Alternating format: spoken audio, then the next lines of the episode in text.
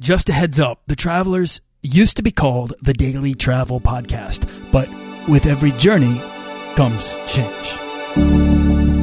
This podcast is produced by Holocene, a community of creative travelers. If you want to get serious about planning that next trip, writing that book, starting that creative project, or launching that business, we're breaking down the barriers between where you are where you want to be together at joinholocene.com. That's join, H O L O C E N E.com.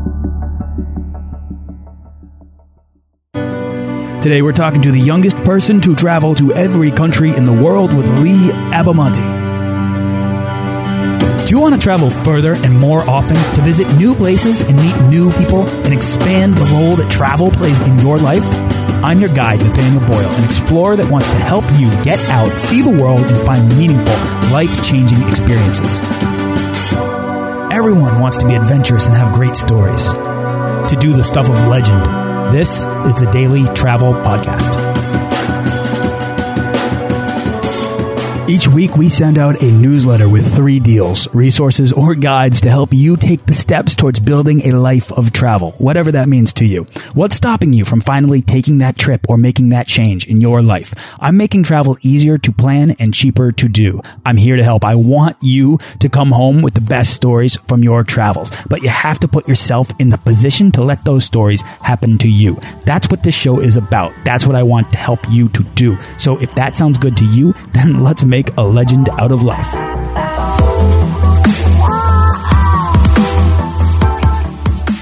Today, I have the privilege to talk to the person who holds the world record for being the youngest American to visit every country in the world. Uh, Arthur Frommer called him the Marco Polo of the 21st century, which is pretty cool. And Samantha Brown, who I'd love to get on the show someday, Samantha, said his gumption is a jewel all travelers, would be and experts can rely on. Um, so I believe it. Lee Abbamonte appears regularly on Fox, Travel Channel, NBC, CNN, BBC, ESPN, many others, as well as the New York Times, Washington Post, Condé Nast. I'm just naming a few. After earning his MBA, he took a career in Wall Street for eight years. There, he realized he could leverage his job to travel and work from the road.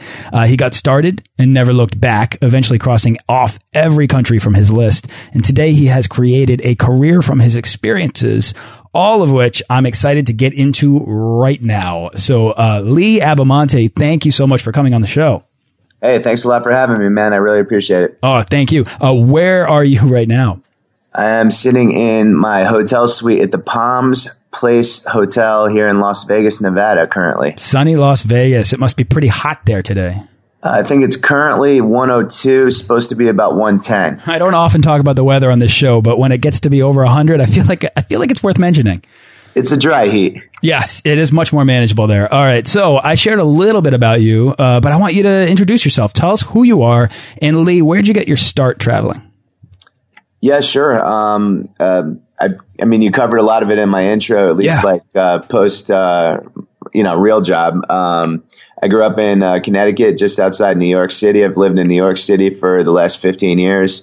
Um, I worked on Wall Street for a while. I started a couple other businesses before that, and uh, you know, it helped fund my travels. And then, literally, for the last uh, since 2008, I've just basically been doing travel and travel related things full time, and turned it into like a real business where you can you know, I basically figured out a way you can really make some money uh, doing it and then doing something you love and uh, doing a lot of different things. And basically, it's kind of just been trial and error over the past few years. Um, essentially, throwing a bunch of stuff against the wall and seeing what sticks, but at the same time, focusing on bigger things as opposed to you know, worrying about like little things like affiliates and stuff like that. I just like to focus in on big things and basically do be able to do what I want when I want, which is pretty awesome. Yeah, super awesome. So you're deeply embedded into the travel industry with some partnerships with a number of big brands and sort of ongoing relationships, and that's that's what you do now. I kind of want to know who you were when you um,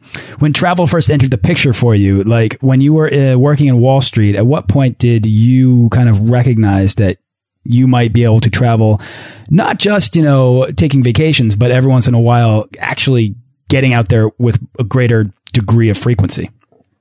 All my travel basically happened by accident. I had never traveled as a kid. Like my family didn't have any money. We never traveled. Um, the furthest I ever went from where I grew up in Connecticut was like the Jersey Shore. Every year we'd do a week down at the shore. Wow. And um, uh, when I was 20 in college, my junior year, I decided to do a, a study abroad year because like my best friend was doing it, and I was like, oh yeah, okay, that sounds all right, I guess. Why not? You know what the hell?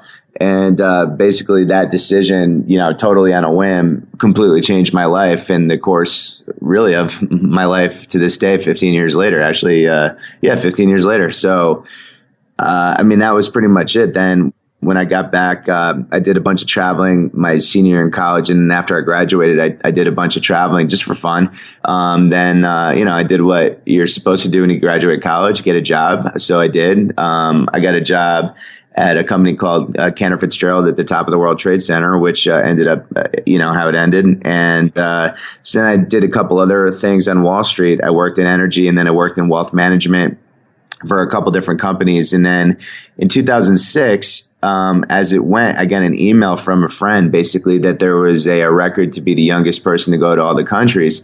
And, you know, at that point, I had already been to about 120, 125, something like that, literally without, you know, ever having a goal of going to all of them.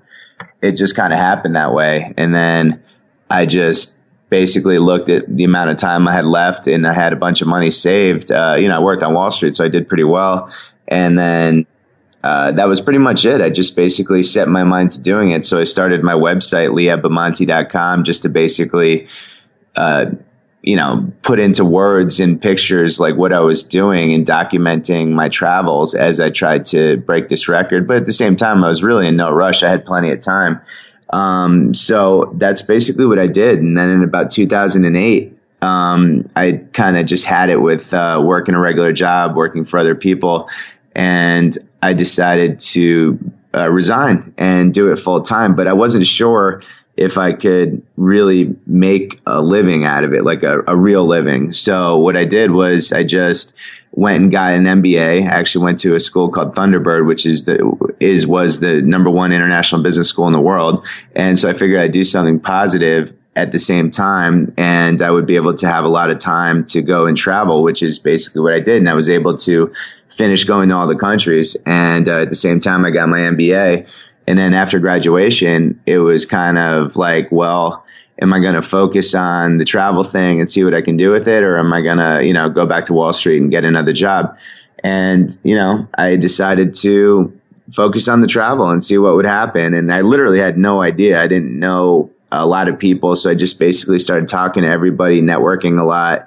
And when I went to all the countries, I started getting calls from agents and managers and uh, TV producers and stuff to do like television segments and to uh, you know do treatments for shows. And basically, I was like, wow, people are actually interested in what I'm doing. And then you know you think about it, you're like, everyone likes to travel. There's nobody who doesn't like to travel. And even if you don't actually travel much yourself, you still like looking at pictures or hearing stories about faraway places and you know kind of daydream a little bit. So basically. I, that's what I did. I just started doing a bunch of media stuff and then it caught on and I started doing everything really and just trying a bunch of things and seeing what happens. And now it's a full fledged business. I work with some of the biggest companies and destinations in the world. Um, I do a ton of public speaking and get paid to do it. It's unbelievable. Yeah, you know, I mean, Lee, you've clearly you've created this unique identity for yourself, and I don't just mean like a personal brand, but I'm kind of I kind of mean this legend, right? That people are fascinated with, and that that companies want to ally themselves with because it's a compelling story, man. That's that's why I asked you to come on here. Um, so you weren't well traveled as a kid, which is really interesting because you would think that you would have gotten a chunk of your of your uh, of your first 100 to 120 off the list. Did you? I, I think this is interesting that you would go on to become this record holder because. I mean, your family didn't seem to uh, prescribe travel as something of value. Um, and were you ever discouraged by your family to uh, to get started? Well, it's funny. Um, I always kind of jokingly tell the story that when I was like six or seven years old, I used to get jealous of all the other kids, you know, my age, because they always got to go to Disneyland uh, down in Florida, you know, and I never got to go because we couldn't afford to go. Um, and my parents, you know, both worked, so um, you know they couldn't get the time off, and you know we certainly couldn't afford the air tickets down there.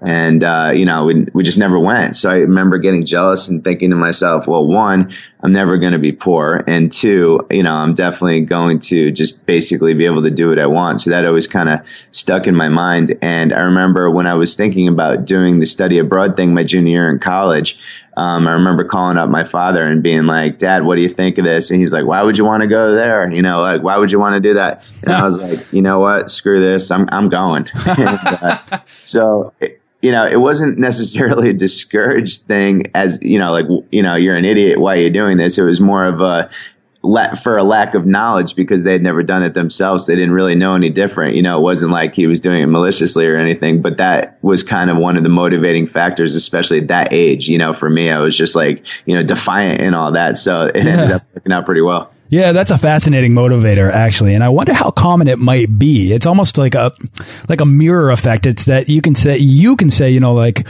why would you do that? Why why would you know? You might ask yourself, why would I go and and and shoot for this? Um, but when your dad says it, it's like, whoa, I, I can't be like my dad. and that's a terrific and kind of wonderfully obstinate way to deal with anyone who seeks to discourage your desire to travel. Um, I think that's really, I think that's actually really funny. Um, uh, somewhere in there, travel clearly becomes an obsession for you because you don't get to 100 to 120 countries without a, a commitment uh, to make travel a bigger priority in your life. So, what happened in there that really kind of started compelling you to to venturing out to such a, a great number of places?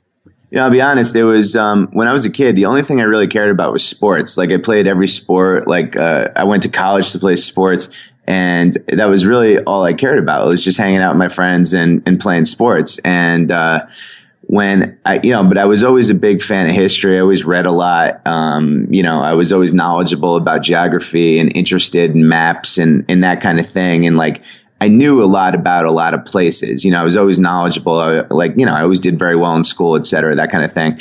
But, you know, it just never occurred to me to really go there and experience things. Anyway, so, as, as the story goes, when I landed in London, uh, it was actually September 8th, 1998. Um, I remember getting in Heathrow looking for a, a cab and, uh, you know, the taxi, they drive on the wrong side of the street. They have a weird accent. Uh, it was like unbelievable to me. And, um, you know, just walking around London, you know, finding my flat and talking to people. And I was like, wow, you guys really talk like this. It's so cool. You know, and like I saw Big Ben and then two weeks later, I did a weekend in Paris and they didn't speak English in France. Holy, you know what? You know, it like totally blew my mind. And, um, I was like, wow. And then the Eiffel Tower and, you know, all this stuff, the Louvre, Mona Lisa. And, you know, I was seeing it from my own eyes and it was like stuff you knew existed, at least in theory, but you never really considered it. At least I didn't. So for me, it was actually going there and seeing and experiencing these things that really kind of turned the tables for me and, and really got me into it. And for me, it never really was an obsession, um, like, oh my God, I have to go here. It was more of a, I just love to, to experience and to learn and to see things for myself. And it's still, it's still that way to this day. Even now, when I go to like places that most people haven't heard of or, you know, even revisit a lot of places like I do, um, that's basically what it was about. Um, it was never really about going to as many places as, possible until I actually decided that I wanted to go everywhere. And then obviously I went uh, to all the places, even the places I didn't really want to go to. But in the beginning, and even now to this day, the reason I still do it is because it's still a passion. But it's not so much even the travel, but the experience and the, the learning and the education and to be able to speak firsthand about global issues because you've been there, you've been on the ground, you've seen it in person, you've talked to people there. That's it. I mean, it's that it's going back to that quote, uh, that kind of almost cliche. It's actually not almost. It's very cliche at this point, but that quote that you uh, the the world is a book, a life is a book, and if you haven't traveled, you've only read one page. But so many people are writing these book reviews about you know without having ever read the full book. Uh, and you know, Lee, for you to go out and experience these places, you can draw from your experience and make much more informed opinions and decisions about not just the world, but even your own direction in it. It's, um, it's, funny you say that, man. I read I read some of these things like you know the 50 best places to visit, you know this and that, and I'm thinking to myself, the person who wrote this has not been to 10% of these places, you know? oh, so interesting. Yeah. Yeah. Cause you can, you're almost hyper aware of what it is like to be to these places and then to be able to draw from that and speak more intelligently about this. It's something, it's a, uh, it's a skill you develop. I mean, it really is a, a bit of a skill that you develop from your experience. You just have, you have to do it. 100%.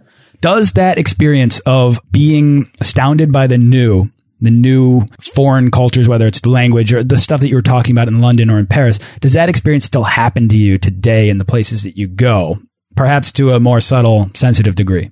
Uh, yeah, I mean, of course, yeah. uh, any, anywhere you go that's new is always exciting. I, I like new experiences. I like new everything. Yeah. So like, you know, if I'm going anywhere, even like I'm in I'm in Las Vegas right now, right, and I've been here probably 120 times. I'm literally here like probably eight, ten times a year, and every time I come here, there's something new, and it, I still get excited to come. It's not just Vegas; it's anywhere. Like I could be going to you know Tulsa, Oklahoma, which is not the most exciting place in the world, but you know if I was going, I hadn't been in a while, I'd still be excited to go and see what's changed since the last time I was there um, you know, and things things change, things are different, and you have to just be open minded and be excited about seeing and doing new. And uh, you never know what can happen. That's the thing. It's like a lot of my favorite stories happen in the places that you least expect them in. Exactly. So yeah. You never really know. Yeah, absolutely. I find all the best stories happen to us unexpectedly. And, uh, you know, what you're kind of touching on is, is almost trying to identify what that travel bug is and you know why do we respond in sort of that positive chemical way that happens when we're exposed to new experience? You know why do we feel that way? And i think it's because we realize that we feel more alive in those few moments than in the majority of the time that we spend living our routines at home. That makes us sort of insatiably curious because it, it just it feels good. We become addicted to this new experience. Um, and it's a wonderful it's a wonderful addiction lee. And um, that, that's that's a great way to describe it. You feel alive, like when you do, when you go someplace new, when you do something new, when you travel, when you learn, when you experience. It's a feeling that it's hard to explain to other people that don't do it or haven't experienced it but it's a feeling of being alive. Yeah. It really is. That's a great way to describe it. Yeah. I mean, to me, Lee, to get down to the heart of it and, and, kind of what the philosophy of this show is, is that it can all be distilled down into imagination. And it's a kind of a thing that I think people who travel when they're very young, uh, they pursue travel as a priority in their life in an attempt to get back to that sort of imaginative childlike state. Uh, when you go and you travel, you feel more alive because your imagination is more aware of what's going on around you and you're in this, this play state and it's it's a really cool feeling. And I think that um, for people that got started traveling later in life, you know, into their twenties or thirties, um, this sense of, of of aliveness is this new thing. It's this new adult thing, and um, and I think it's I think it's really uh, it's really fascinating because imagination is a very valuable uh, part of our lives, um, and travel helps keep it alive. Lee, I have to I have to step back and I have to ask I have to feel like I have to cross off the obvious question from you that is inherent with your world record. To compress so many places into such little time, uh, how often did your travels feel more like you were checking things off a list than actually experiencing where you were? The only time it felt like that was kind of toward the end when I was going to a bunch of places that I really didn't have a, a tremendous desire to go to. Some place, some small islands in the Pacific, um, and then some of the uh, countries in like Central Africa. Um, other than that, uh, you know, I really enjoyed going everywhere, and it wasn't like a like a list tick kind of thing. Um, you know, and it, there was only a couple places I'll say that I went to just for a real short period of time, like you know, a day or so. Um, and that was generally just because of scheduling with like, um, you know, these airlines, some of these airlines are crazy in like the Pacific and then in, um, Africa. So you just kind of do what you can. And it's like either you spend a day in certain places or you have to spend a week because there's only like a flight or so a week, you know? Interesting. So, so basically that was it. But I mean, even the places that I didn't want to go to, theoretically, uh, you know, I still pretty much had an interesting experience in in most of them. And you know, in terms of time, I spent the amount of time that I felt like gave me a good visit. I mean, there was a couple places that I wish I could have stayed longer, and as a result of that, I've gone back to most of them. In fact, I've been to uh, of the 193 UN nations, I've actually been to 135 of them at, at least twice. and um, wow. most of most of them a lot more. I'm actually considering becoming the first person to go to every country in the world twice. Um, but that would that, that, that, that, would entail a lot more money, a lot more time, and yeah. a lot of going back to places I don't really feel like going back to. But um, I still might do it. We'll see. I don't know. I haven't decided yet. But uh, yeah, you know, it never really felt like that until kind of toward maybe the last fifteen or twenty on the UN list. And then for this other list that I do, the Traveler Century Club, which is 324, that sometimes feels like you're just going places just to go. So I've kind of lost focus on going to that be, those places because a lot of those places nobody lives on you know they're not as interesting they're just kind of like piles of rocks in the middle of nowhere so to speak sometimes but also um, doing some of the places on that list has also opened my mind and eyes and brain to places that I didn't even know existed. And uh, it's brought me to places I never would have gone to um, alternatively, like uh, a place like Pitcairn Island, where only like 50 people live, it's this real small island in the middle of the Pacific. It's almost impossible to get to. It's real expensive and time consuming, but my experience there was one that I'll treasure for the rest of my life. Could, could you tell us more about that? Why? What? What did you pull out of that? Because I don't have any frame of reference for that place, and I'd kind of love for you to just describe it a little bit. Sure. Pitcairn Island is famous for two reasons. It's famous for being the place where Fletcher Christian and the Bounty Mutineers, you know, the book, The Mutiny on the Bounty. Yeah. That's where they ended up. Oh, and there's right. only four families. There's like the Christians, the Browns, the Adams, and uh, one other family I can't think of offhand. And uh, they still live there. I think there's either 49 or 50 people currently living on island. Um, the only other thing that they're known for was they had like a, uh, um, a sex scandal back in like 2003 or something, and you know, with like some inbreeding or whatever. Um, it's a terrible story, but uh, you know that brought that brought some um, global headlines to it. So that New Zealand, who they're associated with, and also the UK, they, you know, they had to send like a magistrate there to essentially regulate the island.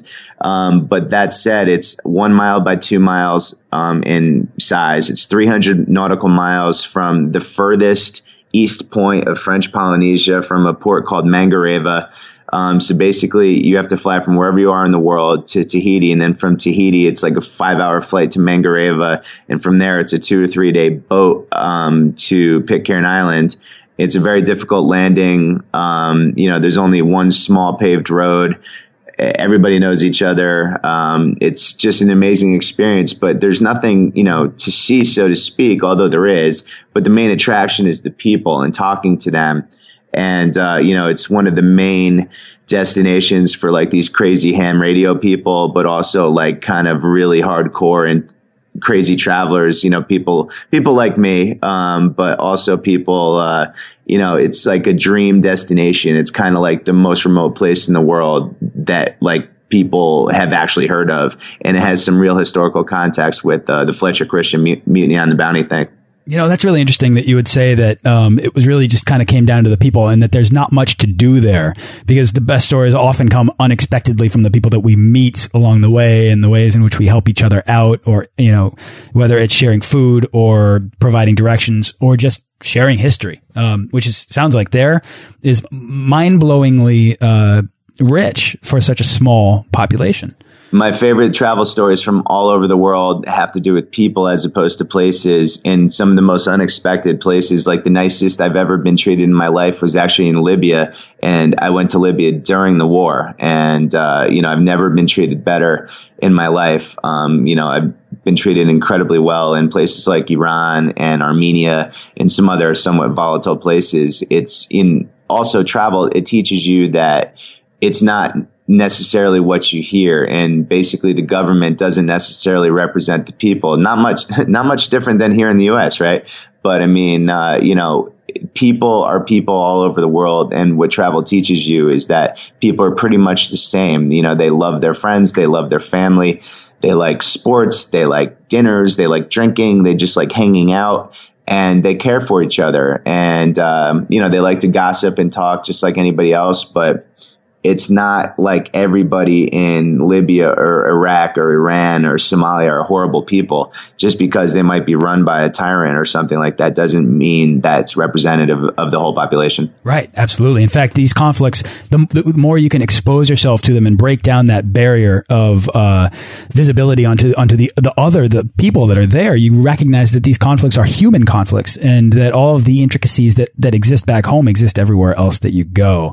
Uh, I love to hear you say that because I I really believe it, but I don't get to experience it because I haven't been to Libya, especially not during a war. What happened in Libya that left such an impression on you? Was it like was it a meal or was did you stay with people or?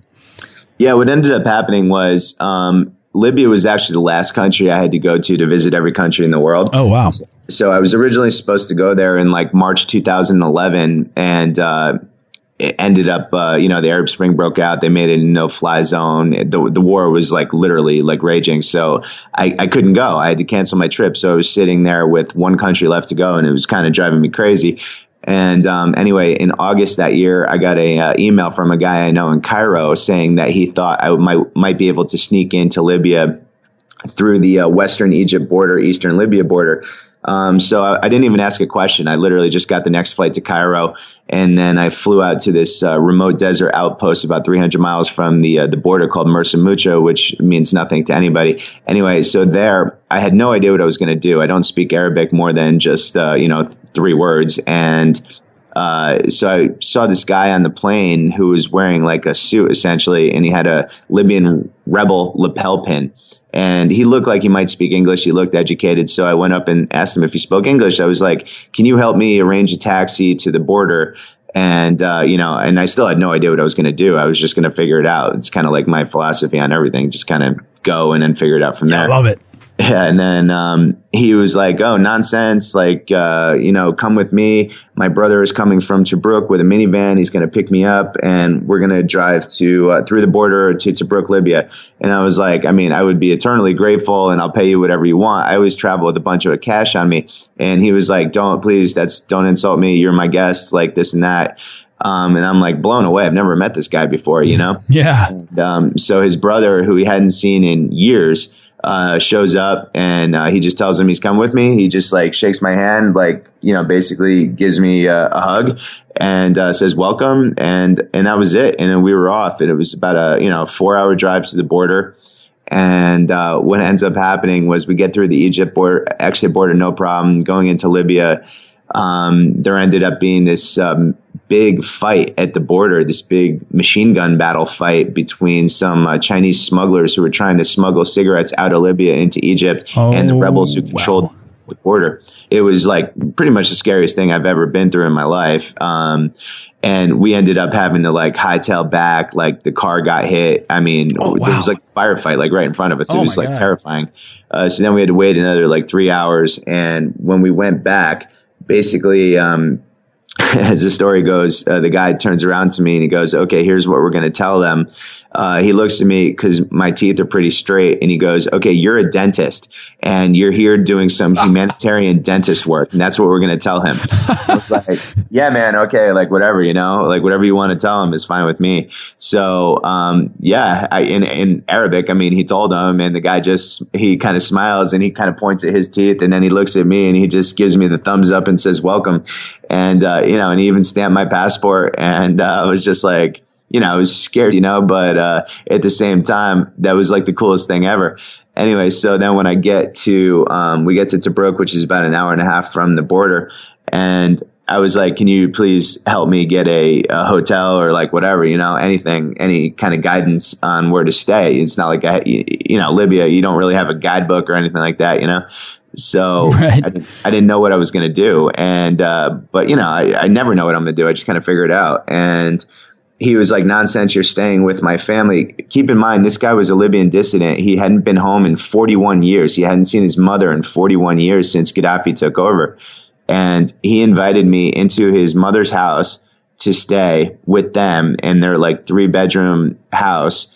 And they gave me my own room and there was like 20 people staying there. And I like insisted no, but they refused and they made me stay there. It was like, the nicest I've ever been treated in my life. I couldn't believe the selflessness. And then their whole family was so fascinated and intrigued by me. And keep in mind, I hadn't seen their son in like 40 years. So it was just an amazing uh, human moment for me. And just, you know, it was like one of those things where you're scared to go to a place like Libya a little bit. But at the same time, once you get there, it was, I don't want to say like a triumph for the human spirit, but it was just like one of those moments where you realize that travel and and doing things is just it gives you those moments of kind of clarity. And uh, in my speeches i always say with travel you have to be comfortable being uncomfortable. And that's so true. And when you do that amazing things can happen. And i'll never forget that moment the rest of my life. And uh, that was probably the coolest experience i've ever had yeah, you know, that's amazing. I mean, just by sort of reaching out and asking for help simply with no expectation, the world sort of opened its arms. And then after an experience like that, I mean, I don't know if you're still in touch with those people, but I know that uh, whenever we're, that, we're, we're, Facebook friends, actually. Oh, there you go. That's, that's amazing. Um, so I know that uh, that you probably feel in some way compelled to someday be able to return the favor, and even if you can't do that, it motivates you to pay it forward in, you know in your everyday life i feel. And i think that that's kind of this this greater sense of community that exists in the world amongst people that are connected to it 100% how cool is that? Um, you know, often I speak on this show about the desire to do something being an opportunity that will pass you by if you just keep putting it off, um, and that we need to invest in, in uh, what time we have while we have that opportunity before us. Um, so, Lee, I want to ask you, as somebody that's kind of uh, that well, not that it's kind of that has been to every country in the world, what are the places that you've visited or experienced that you've had that might be something for a young traveler to do now? Because Lee, you can always go to Paris, you can always go to Rome. Um, but a lot of places are changing and uh, a lot of places for you know whether the doors are closing or they're becoming over touristed are there any sort of maybe hidden gems that people should be paying attention to that, that blew you away as something that you are glad that you've done and maybe have even visited twice?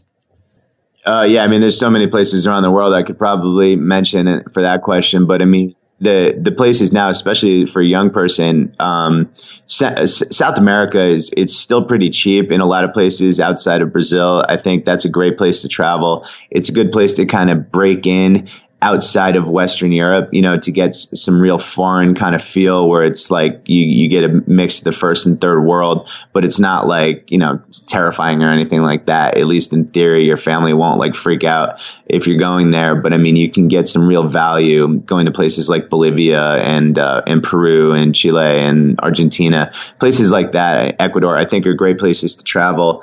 Um, and they're still relatively affordable and on a more kind of extreme, interesting kind of place to go before the tourism money starts coming in and people really start flocking there is Central Asia. It's one of my favorite places to visit, like uh, the Stan countries, essentially, like, but not like Pakistan and Afghanistan. I'm talking about Uzbekistan, Kazakhstan, Kyrgyzstan, Tajikistan. Those places I think are really, really interesting to go to, and they're still pretty affordable and untouristed.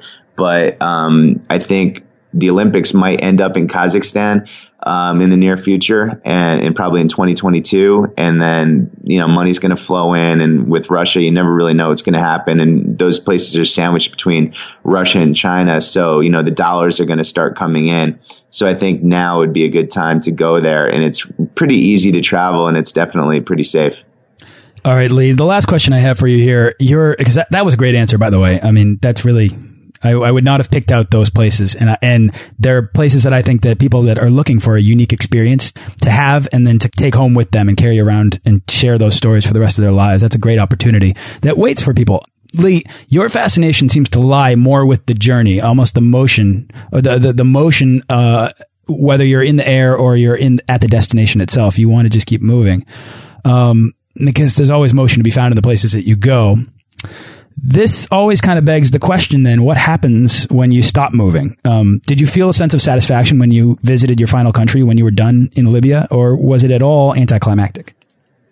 Oh, no, it was a huge uh, feeling of accomplishment for me. And I, I, actually, I hate flying. I hate, um, you know, getting places. I wish I could just snap my fingers or uh, just, yeah. you know beam up like Star Trek kind of thing. You know. yes. Um, I mean, Totally. it would, make, it would make, make everything a lot easier. I mean, I, I, you know, I hate sitting on planes for 12, 15, 18 hours. You know, it's a nightmare traveling, traveling, dealing with luggage, you know, switching at airports, the person sitting next to you. It's always a crapshoot, you know? Yeah. I hate that, but I love the destination. So when I did get to Libya, um, it was a huge feeling of satisfaction for a couple of reasons. Um, one, because of the experience I just told you about. Two, that meant that I didn't feel obligated to do any other travel that I didn't want to do. I was basically free to do what I want. And then from there is when I really focused on uh, the business aspect of travel, which is what I'm focusing in on now. But at the same time, you know, when your business is fun, it's really not working. You know what I mean? Which is why I love it so much, and which is why you know I go to places over and over now, and I work with like destinations of places that I like, and they pay me for it, and it just blows my mind every day that people pay me to travel. But at the same time, it didn't just happen by luck. You know, I put myself in that position. You work hard, you gain an audience, and you have a story that's compelling uh, that people are interested in, and you tell it in a way that people want to listen to you. And uh, you know, the the idea of going to every country in the world it gives me a lot of street cred, as I always say, and uh, it's been a great launching point for my career. My second career, I should say. Yeah, amazing. I mean, that right there was you almost just distilled how to create a life of travel into uh, one sentence, which is amazing. Um, Lee, I had, this has been a really like engaging conversation. Is there anything else you'd like to share about travel or life or your future before Um, we wrap up? I, I mean, I could talk travel all day, and Yeah. I, I love answering questions. But I mean, I'm just, uh, I'm just excited actually for you know what the future holds. I, I, I have a busy couple months coming up. Um, uh, I'll be going down to the South Pole in December. Oh, cool. I'm really excited about that, and um, I'll be going up to Alberta in Canada. Um, I'll be doing a bunch of stuff here around the states.